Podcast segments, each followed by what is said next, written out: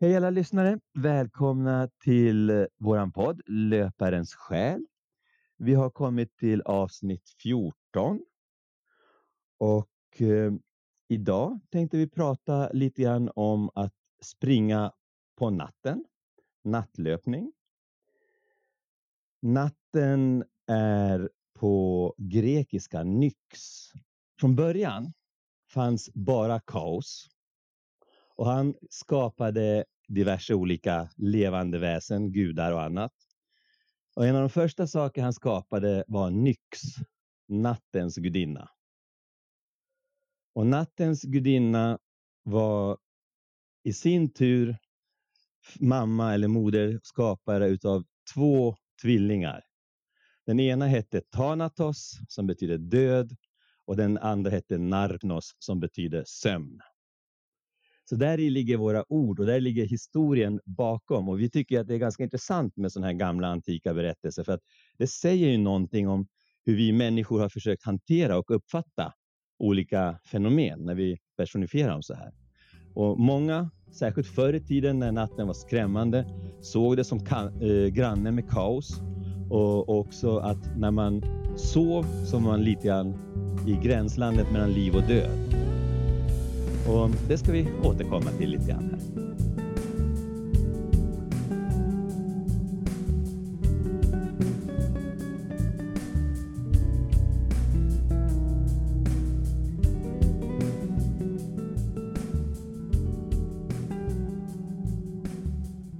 Och det är ju fantastiskt roligt att vi har då fått med oss nattens eh, gudinna eller nattens löpare, Pernilla Otto som har sprungit, jag vet inte hur många nätter och eh, vad jag förstår tycker om det också.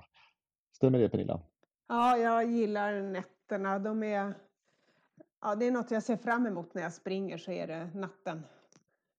Berätta lite om dig själv. Vem är du som, som löpare och ultralöpare?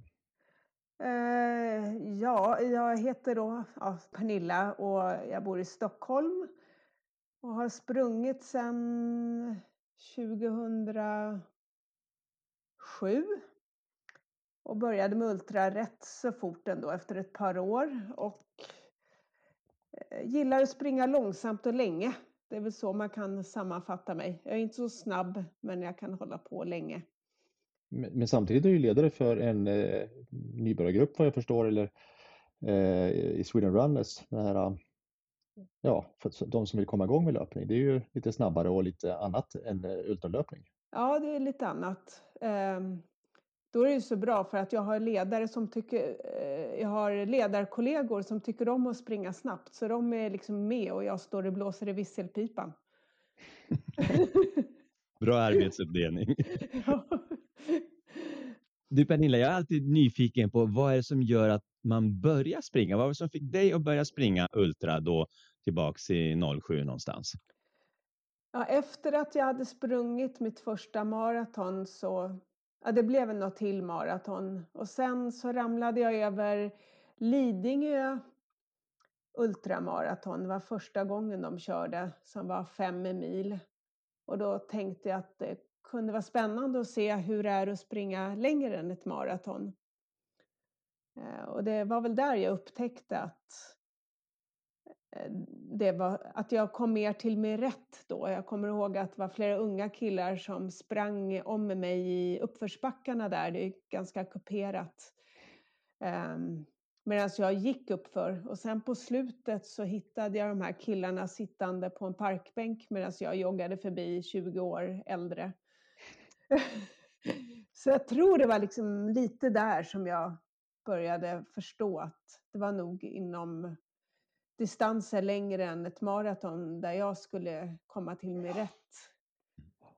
Och du upptäckte att du hade fallenhet för det, det var det som var lockelsen?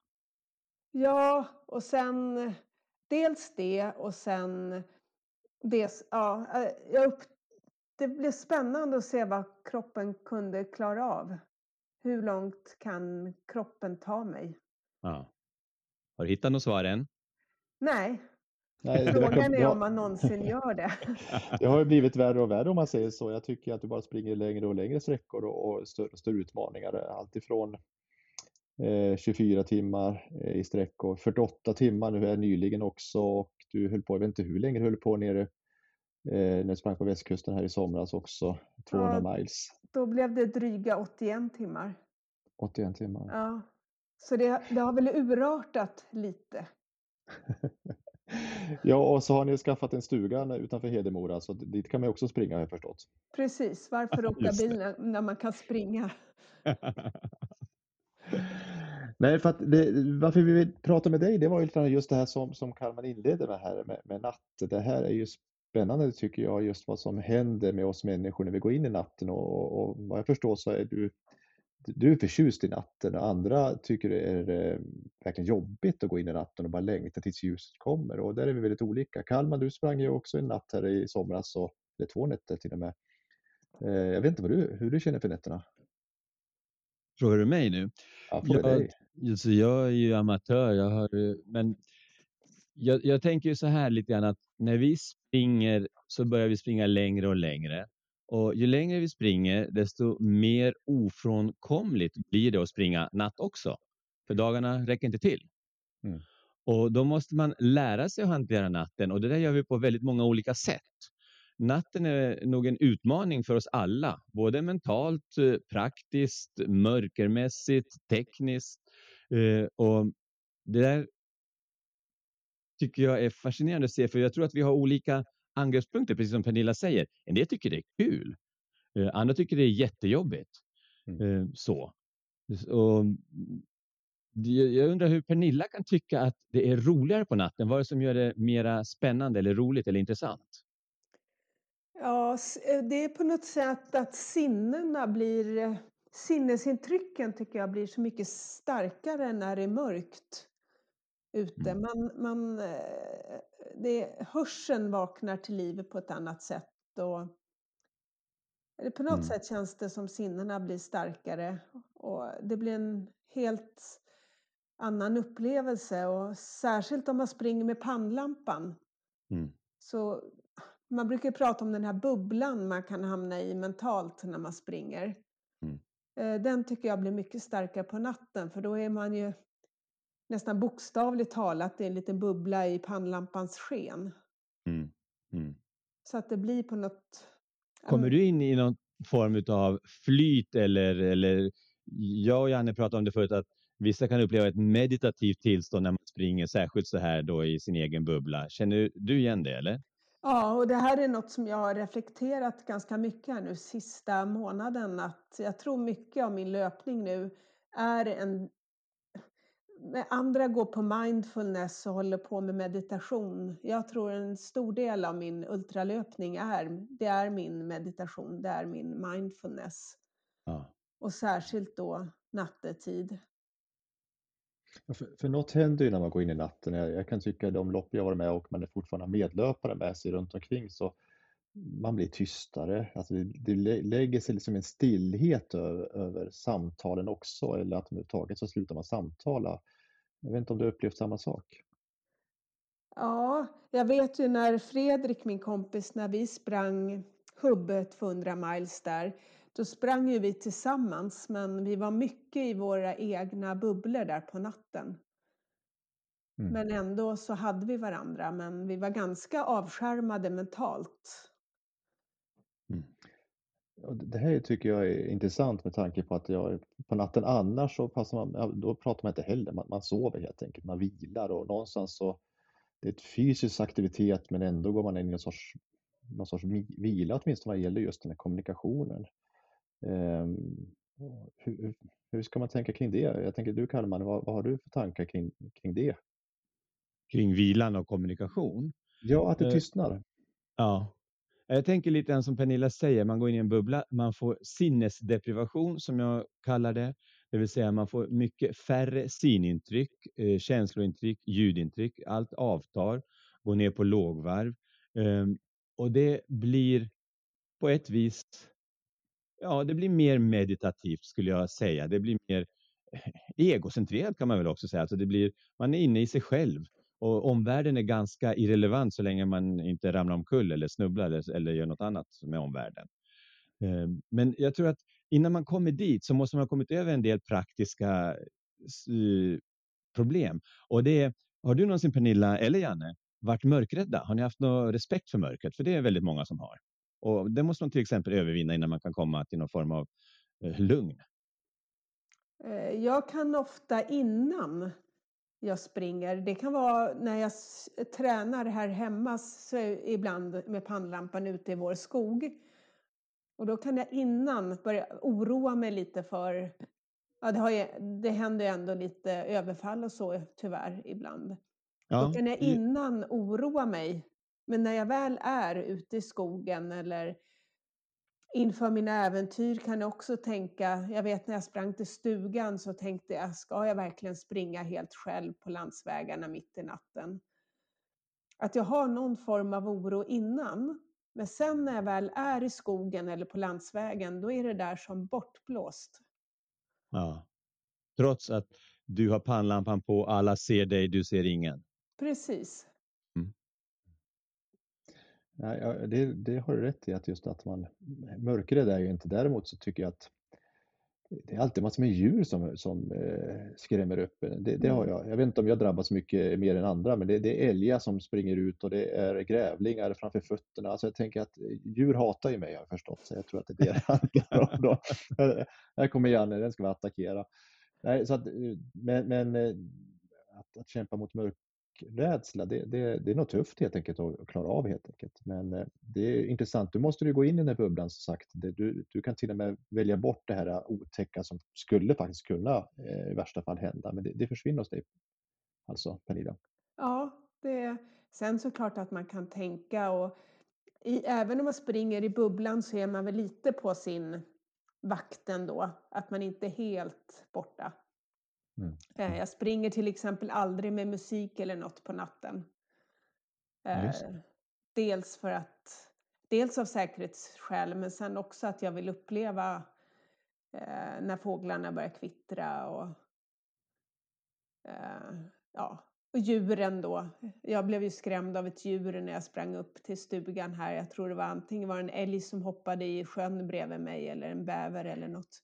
Så då hoppade jag två meter upp i luften där tror jag. Känner du dig tryggare på, eh, i stadsmiljö eller i landsbygdsmiljö? Det är landsbygdsmiljö fast jag är, bor i stan. Så jag, jag hävdar för alla som tycker det är läskigt att springa i skogen och så, så hävdar jag fortfarande att det är farligare att åka tunnelbana. Ja, mm, mm. ja. jag tror att rent statistiskt så har du rimligen rätt. Mm. I, I skogen har man väldigt sällan några andra att vara rädd för än sig själv. Vi spelar gärna spratt med våra egna tankar och vi reagerar på djur och vi får för oss att vi ser folk i buskarna eller vad det nu kan vara för någonting. Men det är nästan uteslutande att det är våra egna eh, mindset som spelar tricks med oss helt enkelt. Mm, mm. Så det gäller väldigt mycket som, som alltid, som du och jag gärna diskuterar, att ha koll på sig själv. Um, uh, att man inte blir, man kan jaga upp sig själv, man kan uh, bli väldigt uh, orolig om man försöker fokusera på sådana orosdetaljer.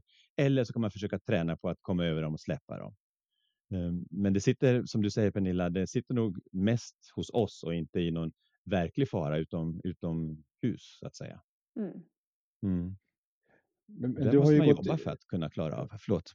Ja, men du har ju gått in i, i som sagt två nätter också. Jag, vet inte hur mycket hur du, hur du ska sova mellan de här två, två nätterna. Alltså, eh, får du någon sömn? Jag är väldigt dålig på att sova. Mm.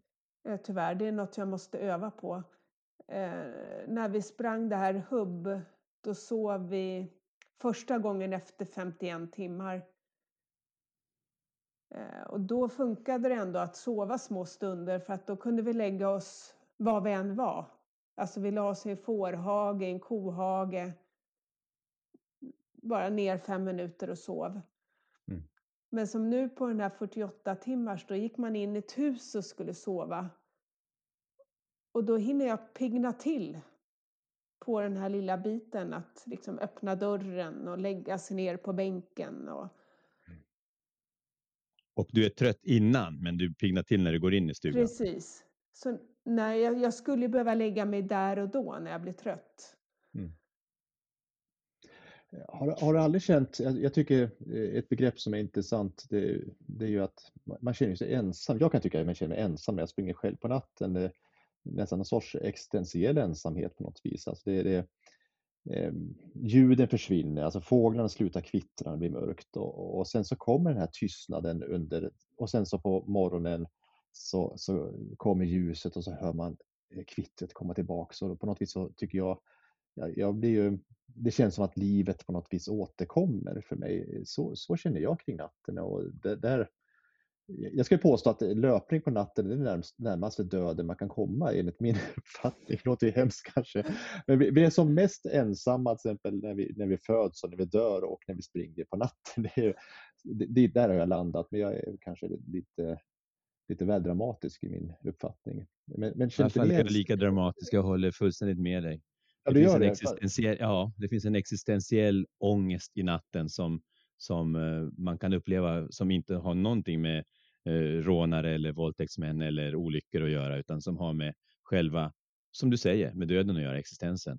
Ja, de här tankarna man får och man, man, det är inte så att du konfronterar dig själv på ett annat sätt på natten. Nu, led, nu är det en ledande fråga Pernilla, men eller hur, vad händer i din hjärna på natten? Som är det bara springer omkring och ler och, och visslar eller vad händer? Ja, vad händer? Jag, jag satt precis och tänkte på vad som händer. Alltså, jag, eh, Eh, jag kan inte riktigt komma på vad som händer. Jag tror jag bara springer och sen är det som det brukar vara att man har sina dippar då är det jättejobbigt och sen flyter det på igen och så.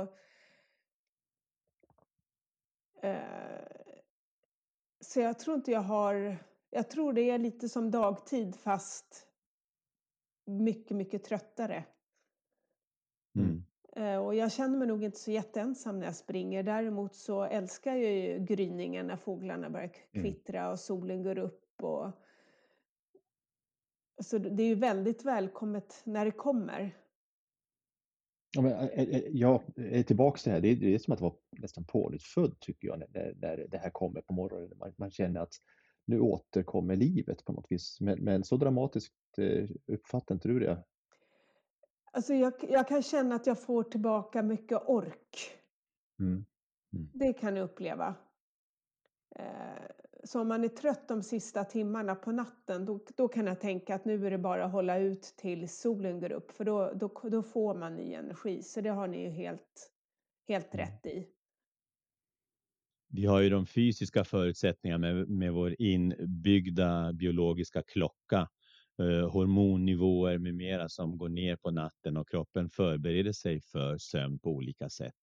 Och, och det som är intressant det är hur, hur man då på längre sömndeprivation, hur, hur, hur, man hanterar det. Jag är lite nyfiken på att höra hur du tänker avseende ju fler nätter man springer och är vaken vad du har för sömnstrategi eller tankar eller funderingar? Eh, ja, det jag skulle vilja bli duktig på det är bara att snabbt kunna somna. Att tänka nu ska jag sova en kvart. Och då, då får det inte ta fem minuter att somna eller tio minuter utan då ska man ju somna så fort man lägger ner huvudet. Ja. Mm. Och tanken är då att man ska kunna ta många kortare fem minuters sömnpass om man springer 81 timmar eller vad du sa för någonting. Ja, för mig ja. tror jag att det funkar mycket bättre än att lägga sig och sova en längre stund. Men det kan också ha att jag är så kompis Fredrik, han brukar säga att vi är så dåliga löpare så vi får kompensera det med att inte sova. och, och, lite så är det ju, men är man eh, är, är du snabb och kan springa länge snabbt, då kan du sova fler timmar. Mm. Yeah. Men sen är det väldigt svårt att veta var gränsen går. För sover du för lite, då kommer du ju röra dig för sakta på grund av sömnbrist. Ja. Så då kanske du ändå tjänar på att sova en timme för att sen vara piggare i kroppen. Ja. Och det är väl där jag skulle vilja hitta jag skulle vilja hitta en strategi och veta var går gränsen. Hur lite kan jag sova men ändå prestera en, något som liknar ett löpsteg. Jag förstår. Jag har självklart inget svar på det där. Jag tror det finns flera olika svar. Men en tanke som jag har Pernilla, mm. det är att vi har ofta när vi tar sådana så kallade powernaps så har vi små korta sömncykler på kanske en kvart. Och det finns någonstans inbyggt i våran biologiska klocka att vi kanske återhämtar oss. Vi, det finns ju flera mekanismer som styr vår sömn. Eh, men en av dem är att eh, när vi förbränner ATP, eh, adenosintrifosfat, alltså energin i kroppen, när vi rör på oss och förbränner energi, så bildas det slaggprodukter som vi måste få ur hjärnan, adenosin. Och det tror jag tar ungefär mm, en kvart kanske att kunna göra en, någon form av reset eller uttvättning ut, uh, därifrån. Så är inte helt återhämtad, men uh, jag undrar om du har testat det någon gång? Ja, det, jag tror det är lite där jag har den här kvarten ifrån. Ja, just att det. Jag, att jag tänker att någon gång kan det räcka med fem minuter, men sen behöver man ha någon paus som är en kvart. För jag har mm. också hört att där vid en kvart, då har man, även om man kanske inte är tillbaka i det stadie som man var när man startade, så har man ändå fått lite återhämtning. Spännande. Hur många nätter tror du att du ska springa framöver? Liksom, vad, vad, vad, har du några tankar? Att, mm, du, har väl, jag... du har väl sex dagars framför dig ja, här till hösten? Ja, och sen om jag får komma in i England så har jag ett lopp den 23 juni. Och då kommer det nog vara fyra nätter. Wow. Och det är ett A till B-lopp. Okej. Okay. Men sen har jag ju sex dagars i höst. Mm. Mm. Och det är fem nätter? Det är fem nätter, ja. Mm. Och eh, det är ju svårt att träna till som sagt. Hur ska du, hur ska du kunna träna på att somna kvickt? Eh, utmattning funkar ju klart bra, men ja. det är kanske för sent då. Ja, man vill gärna lite tidigare. Jag, jag, tänker att det här loppet i England, om det blir av, att det kommer få bli en liten tränings, sovträningstävling.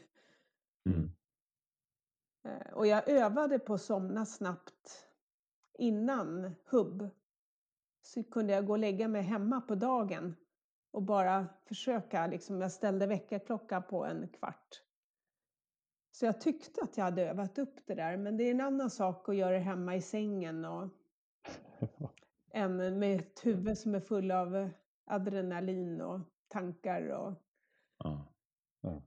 Jag har, också övat, ja, jag har också övat, jag brukar räkna då när jag försöker sova. Då börjar jag ett, två, tre, fyra. Men eh, jag tänker att du har ju som sagt testat 48 timmar då, eller 80 timmar som det var på hubb här till exempel. Eh, I tidigare program så pratade vi om hallucinationer och de kommer ofta, uppstår ju ofta på nätterna. Du har inte drabbats av något sånt? Jo då, det då? kan bli ganska kul. på, på mitt första 100 mileslopp då såg jag dag nummer två, då såg jag en stubbe, den hade läppstift och eh, ögonfransar. och sen såg jag ganska mycket publik i skogsbrynet där klockan fem på morgonen. Mm. Eh, och det var det ju inte. Och lika så på hubb på morgonen efter då kanske 78 timmar två, ja, innan vi gick i mål där sprang vi längs en strand och då, då var det mycket publik där jättetidigt på morgonen. Eh, så jo då, nog hallucinerar man en del. Och då hade du ändå sovit lite eh, i perioder då på efter, ja. vid 78, 72 timmar? Ja. Där, ja. Det blev väl två timmar tror jag vi har räknat ihop sammanlagt på de där. Ja. Och du klarar av att driva dig. Eh, jag tänker att rörelse är alltid beroende av att man har en motivation framåt. Eh, det finns en vilja att röra sig framåt och sen finns det en vilja att inte röra sig. det kan vara trötthet, och bekvämhet och verk och sådär. Och du klarar av att hitta balansen. Eller så här ska jag fråga. Tycker du att det är svårt att hitta balansen mellan eh, hindrande faktorer och gynnande faktorer när du springer? Nu vart det en flummig fråga, men du förstår jag menar. Ja, alltså jag, jag är så driven tror jag när jag springer mina lopp så att kliva av för att jag är trött och vill sova det finns inte riktigt. Det är väl den enkla frågan, eller svaret på det hela. Mm. Att jag ska i mål. Jag menar som på hubb då hade vi egentligen missat måltiden, alltså den tiden man skulle ha för att få godkänt att gå i mål så att säga. Men vi skulle i mål oavsett. Mm. Det är en Men jag, jag, är, erfarenhetsfaktor. ja, jag, jag är fortfarande kvar i natten här som sagt. Eh, det, det, eh, du, du springer, när du sprang runt Mälaren då sprang du väl mycket själv också? För du springer mycket med Fredrik som du nämnde, men hur var det runt Mälaren? Då var du själv mycket.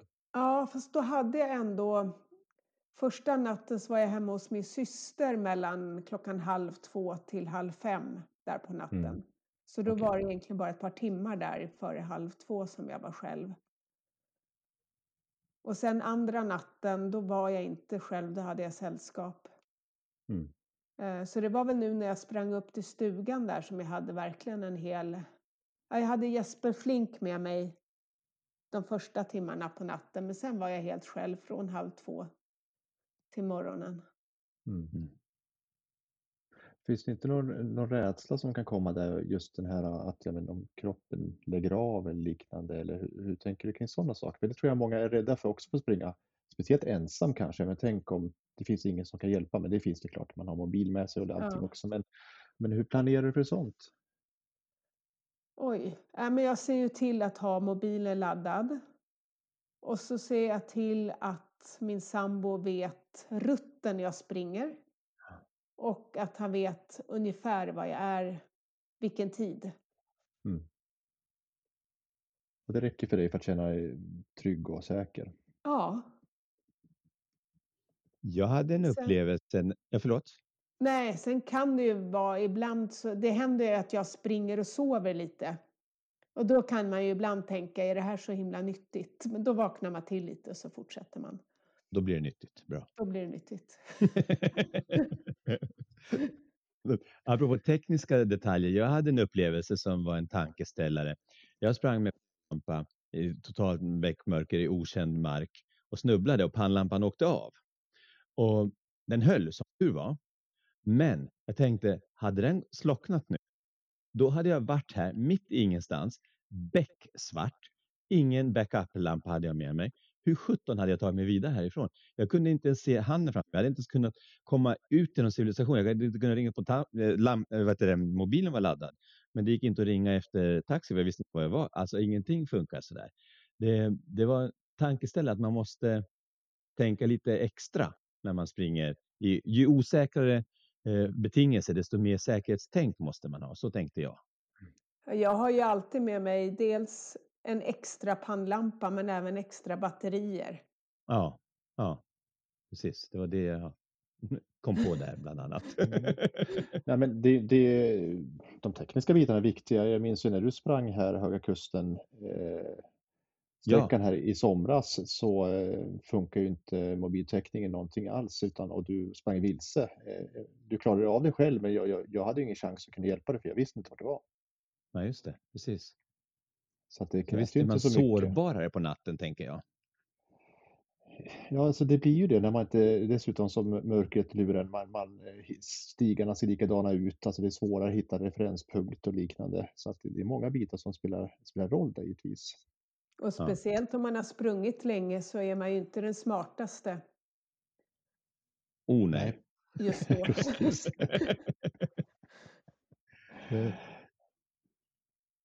Det har vi märkt. Jag tänkte säga så här, brukar du tycka att det är bättre... Du, du kör, all, kör du för det mesta supportat på ett eller annat vis ändå när du är ute och, och springer sådana här längre? Nej, en del lopp är osupportade förstås.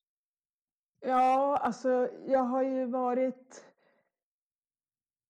Jo, men det har varit support i någon form av alla de här som jag har kört. Ja. Jag har inte kört helt utan support. Mm. Det är kanske en klok tanke att det är så man ska börja med nattlöpning om man nu vill springa nattetid, att man har hjälp eh, till en början i alla fall kanske. Det kan vara bra. Sen har jag kanske inte alltid haft hjälp på hela natten, men eh, ändå en bit in Och sen att jag tror att det är bra att någon har koll på vilken rutt man springer om något skulle hända så att man i vilket fall vet var man ska leta efter mig någonstans. Mm. Ja, nej, jag, jag skulle verkligen vilja ta en nattrunda. Jag tror många, eh, som sagt, jag tror många är väldigt nyfikna på att springa på natten, men det finns mycket som hindrar och man är rädd för hur ska man klara av sömnen och den biten, hur ska man klara av ensamheten eller fast man springer med flera. Så att det finns många bitar här som jag tror att det kan vara skönt att höra att ja, men det kanske inte är så farligt inte. Eh, nu pratar vi för sig med nattens gudinna här så att det är lite Eh, särskilt med dig eh, som också, du har gjort det så pass många gånger också. Skulle du påstå att du har blivit bättre på det eller var det, var det en förälskelse första gången? Eh, nej men jag har blivit bättre på det. Eh, det har jag. Och framförallt jag att jag blivit trygg i det. Att, att jag vet att jag klarar det. Mm. Eh, och att jag vet att jag klarar eh, sömnbristen ganska bra. Sen som jag sa, det, både på hubb och ifall det var på 48 timmar så har jag märkt att jag ju nästan sovit. För det var ju något parti, jag har ingen aning om hur det såg ut där och sen helt plötsligt så är det som att jag vaknar upp. Mm. Och det är en ganska häftig känsla att benen vet vad de ska göra, man håller sig upprätt men man är inte riktigt med. Mm. mm. Det kom efter en viss tid då ungefär? Ja, då, då, då har man varit igång ganska lenge. Jag förstår det, att det är en häftig känsla. Det sägs ju att en del har lyckats, att, eller lyckats, och viss grad på något vis upplevt åtminstone att de har sovit eh, medan de har sprungit. Eh, en del har, jag hört någon berättelse att man hade ena foten i vägrenen för att man skulle liksom bara ha någonstans att följa eh, mm. i och med att man sover. Eh, jag vet inte om det, hur länge och det, om det är möjligt, men, men eh, det gav ju han som pratade Mikael Malmgren gav också uttryck att han eh, på natten upptäckte att det var som det klippte framför honom. Det vill säga att han, han missade vissa moment i, sitt, sina intryck på grund av att han troligtvis tog mikrosömnen när han sprang. Mm. Jag eh, har ju lärt mig också att om jag tittar neråt, alltså, nästan blundar, men bara en liten springa ner där jag har fötterna, då kan jag på något sätt, inte sova, men jag tror att jag hamnar i något litet vilotillstånd ändå. Mm. Och därför ska det bli väldigt spännande. Om vi tittar till sex dagars då, framöver här, det är, ju, är det oktober eller september? Det är september. Ja, det kommer att vara många timmar det är mörkt eh, i och med att det har vänt. Och, men det är ganska platt bana. Hur, hur lång är banan? Vet, vad vet du om det? Just nu säger de att den är runt 650 meter lång. Okej, och det är bara platt och inga hinder? Någonting. Det är tydligen en liten, liten backe. Okej. Och den ska du halva runt i sex dagar för att på den sjunde dagen då ska man vila. Det är därför det heter sex dagars. Precis. Eh, vilan är ju viktig och eh, vad jag förstått så är det väl ofta så att det blir lite vila på nätterna för många löpare, att man tar några timmar där. Har du, har du tänkt någon sån strategi överhuvudtaget kring sex dagars? Ja, jag har väl en strategi och det är väl att försöka sova så lite som möjligt, men så mycket som möjligt, alltså sova så lite som det går, men fortfarande kunna leverera någon form av löpning. Mm. Och då är väl... Eh, jag är inte helt klar på... Eh, jag tror att jag kommer eh, ta... Köra lite på mina de här kortare, kortare kvart. Kanske att sova en kvart då och då. Jag har, inte, jag, jag har den inte helt klar ännu hur, hur jag kommer lägga upp det. Nej, och du, du ehm, som du sa här att eh, när det var eh, på hubb så, så ehm, vad var det så, ni springer så långsamt så att... Så att, ja, vi är så dåliga löpare så att då har vi inte tid att sova kan man säga. Nej, precis. Det slår mig, jag vet inte om ni läst om den där Cliff Young här, australiensaren som vann sån här 61 år gammal, vann ett lopp. Eh, han sprang under fem dagar. Det var bara det att de andra sov på natten, men han fortsatte hela nätterna och lyckades, han tog en mikrosömn också. Mm. Och liksom slog hela eh, löpareliten som alltid har varit unga löpare som, som, som han gjorde på sitt sätt. Så att det är ju lite intressant också. Det, det här att ta det lugnt och, och det, det, det, tror jag är ett vinnande eh, recepten då, om man nu klarar av sömnen så att säga. Mm. När det är så här långa lopp och så långa ansträngningstider så tror jag det finns utrymme för variation så man kan hitta sin egen metod som han gjorde, Young gjorde. Han hittade mm. sin egen metod som var väldigt effektiv. Så jag tror att det finns en, ett spelrum som är väldigt intressant att utforska. Mm. Jag brukar tänka på, det finns ett exempel i historien som handlar om kinesiska armén under Mao Zedong under den långa marschen. När en stor armé eh, på flera hundratusen man gick en lång marsch och under en, en del av sträckan så gick de i träskmark eh, som var helt vattensjukt, vilket gjorde att de inte kunde lägga sig ner. Och då var de tvungna att vara vaken i, i många, många dygn. Jag tror att det var många veckor. Eh, och det de gjorde då, det var att de satte en, eh, någon liten upphöjning under hälarna och sov på huk. Och när de ramlade omkull Eh, eh, så, så vaknade de av blötan så att säga och då gick de vidare. Så de hade mikrosömn under väldigt många, jag vet inte hur många nätter, men många lång stund. Och det fungerar för de allra flesta i den där armén. Så det där är en strategi som jag tänkte att den undrar jag om Pernilla skulle vilja utforska någon gång. Ja, de får väl anlägga ett träsk där i Skåne till sex dagars. Det, det, det, visar, I min värld så visar det att det finns många olika sätt att tackla problemet. Så tänker ja, jag. Men det är just det här också man säger att man ska lägga sig, om man ska ta en liten powernap, att man ska ha nycklar i handen. Mm. Ja, just det. Så att man vaknar. Ja, det är lite samma, ja. ja. Precis. Ja, ja. Som Churchill gjorde, sägs det. Okej. Okay. Nej, så att Ja, men på sex dagars, då, jag ska ju sova så lite som det går. För det kommer vara mitt vinna, det kommer vara min, eh, mitt trumfkort tror jag. Ja. Får, får jag fråga om du har någon eh, målbild där för sex dagars? Ja, men det, ja. det ska gå väldigt bra där. Mm. Nej, men eh, pallplats. Nu är jag lite kaxig här, men. Nej, det är bra du, du vågar sikta, det är bra. Ja, jag ska öva där i England och där kommer sömn... Eh, där har jag nu bestämt att jag ska inte sova på nätterna där. Av säkerhetsskäl. Om, eh, alltså var fjärde mil så har de eh, supportstationer och med tält där man kan sova. Men det är inte mm. säkert man kommer till något sånt ställe på natten. Och då tänker jag att det kanske inte är så himla säkert att gå, gå och lägga sig någonstans bara utomhus där på natten. Mm. Så då har jag tänkt att på natten då springer jag och sen får jag sova lite på dagen, en snabbis här och var på någon parkbänk. En, en praktisk fråga, bara nyfikenhet. Hur löser du att sova utomhus? Har du med dig sovsäck och, och underlägg då, eller? Ja, nu kommer, det får vi se. På hubb var det ju då 34 grader varmt på dagarna och 30, ja, 30 till 34 grader, så där var det inget problem. Nej. Det blev faktiskt lite kallt på natten någon gång när vi la oss, men då hade vi en sån här eh, regncape som man kunde ha runt sig. Men i England där så, det beror väl på lite hur vädret ser ut, men jag ska väl ha med mig sån här räddningsfilt i sån här ja. folie som man kan eh, ja. vad heter det, vira om sig om det är kyligt. Mm. Mm. Så ja. det är väl det som kommer vara det värmande. I England kan det förmodligen regna och vara hyfsat kallt även Precis. sommartid. Ja. Förra gången tävlingen gick, då hade de värmebölja. Jaha, det var värst. Mm. Men eh, jag blir lite sugen när du tar mig ut här.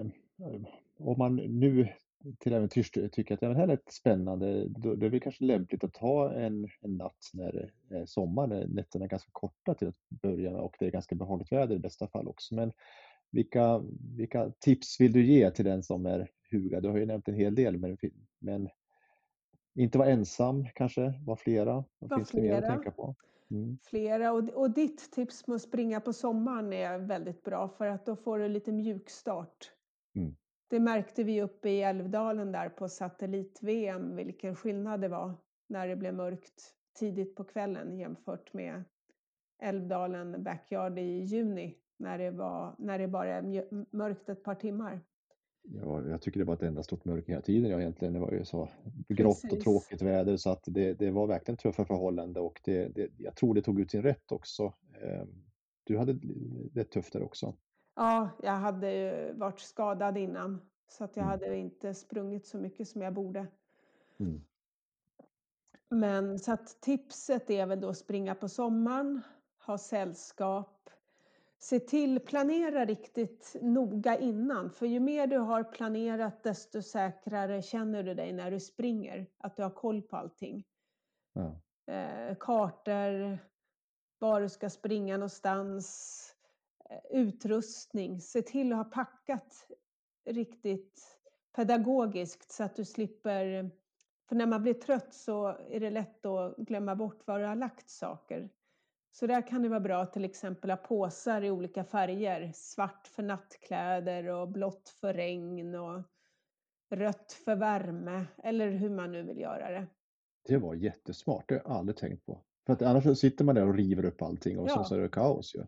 Och så blir man helt frustrerad och galen Ja. och då har du ödslat jättemycket mental energi på det. Ja, precis. Så det Just är jätteviktigt. Ja. Eh, Och se till att ha mat som du har provat innan att äta. Eh, Så att du vet att du klarar av eh, energin, att magen mår bra av energin. För magen kan ju ändå börja krångla men man kan minimera det genom att ta något som man vet att magen klarar. Mm. Mm. Då måste jag fråga med, med vatten då. Jag vet, eh, är man ute med Kalman så rinner det bara det minsta lilla vattnet. Då tycker han att man kan dricka det. Hur, hur tänker du kring det? Eh, ja, jag, jag vill då gärna, det var också på Södra Kungsleden där när vi sprang, då vill jag gärna att, det sa jag till några deltagare, där rinner vattnet för lite. Mm. Jag vill gärna att det är ett flöde. Men Mm. man kan ju ha, det finns så här jättebra vattenreningstabletter. Mm. Sådana ska man ha med sig om man är osäker på om man har tillgång till vatten. För då kan du i princip ta vilket vatten som helst, så häller du i en sån där tablett och sen kan du dricka vattnet. Ja, Mm. lyssna, lyssna nu Kalmar, för du tycker att är det är bara en krusning på vattnet så, på ytan så, så är du nöjd med det. Ja, att, så eh, är det nog. Med omdöme vill jag hävda. Jag tror att det är skillnad på var i- världen man befinner sig. Men, men du, du tycker tabletterna funkar bättre än till exempel sådana här filter som också finns? Alltså jag måste erkänna att jag inte testat de här tabletterna ännu. Nej, okej. Nej. Jag har bara hört av eh, en som brukar tävla i djungeln och så att de är jättebra. Ja. Och rimligen så är de enklare att hantera tänker jag än, Ja. filter. För filter är lite omständiga. Precis. Ja, vi skulle, borde haft med oss sånt på hubb för där gick vi helt torra på vatten ett tag och fick äta blåbär. Och där fanns Oj. det en sjö så det hade ju varit bra att kunna ta det vattnet och slänga i en tablett. Ja. Men sen träffade vi på några som hade picknick och frågade om vi ville ha vin. Och då sa vi gärna vatten, så då fick vi vatten. Ja, det var klokt av er. Underbart. Ja, det, det är lite roligt att höra tycker jag och vi ska eh, avsluta vårt samtal. Men, men vi, vi, vi hanterar natten på olika sätt. Eh, tydligen så, jag visste inte att Kalman också slås av den existentiella ensamheten där och, och, och att vi helt plötsligt börjar känna oss nära döden medan eh, i ditt fall Pernilla så det är en helt annan approach i det hela och det, det är väl ganska fantastiskt att vi upplever på olika sätt. Så att eh, jag ser fram emot att vi får dela någon natts löpning tillsammans med dig Pernilla så ska vi nog försöka få det på andra tankar också. Där den existentiella ensamheten. Det vore utmärkt. Du får jättegärna springa en natt till norr om Hedemora och komma upp till Falun. det vore trevligt. Ja. Jättestort tack för att jag fick prata med dig. Det var väldigt fascinerande att höra hur olika ingångsvinklar man kan ha på det här. Och det är ett svårt kapitel och till de som inte har prövat skulle jag vilja säga att våga testa. Våga på ett eller annat sätt påbörja och springa natt. Ehm, För det är det värt. Ehm, Det är så mycket belöningar i att kunna springa genom natten när man kan det. Ja, och Så- får, man, får springa med Pernilla får man dessutom ett väldigt trevligt sällskap så det rekommenderar jag också att göra. Ta, ta rygg på henne så har ni, eller axel med henne så har ni en, en härlig natt framför er. Ja, och få skavsår i öronen. det var du som sa det. Ja, tack så mycket Pernilla Otto. Vi hoppas vi hörs och ses igen snart. Och ni alla där ute som springer, kom ihåg att låta glädjen driva löpningen. Ha det så gott och på återhörande. Hej då!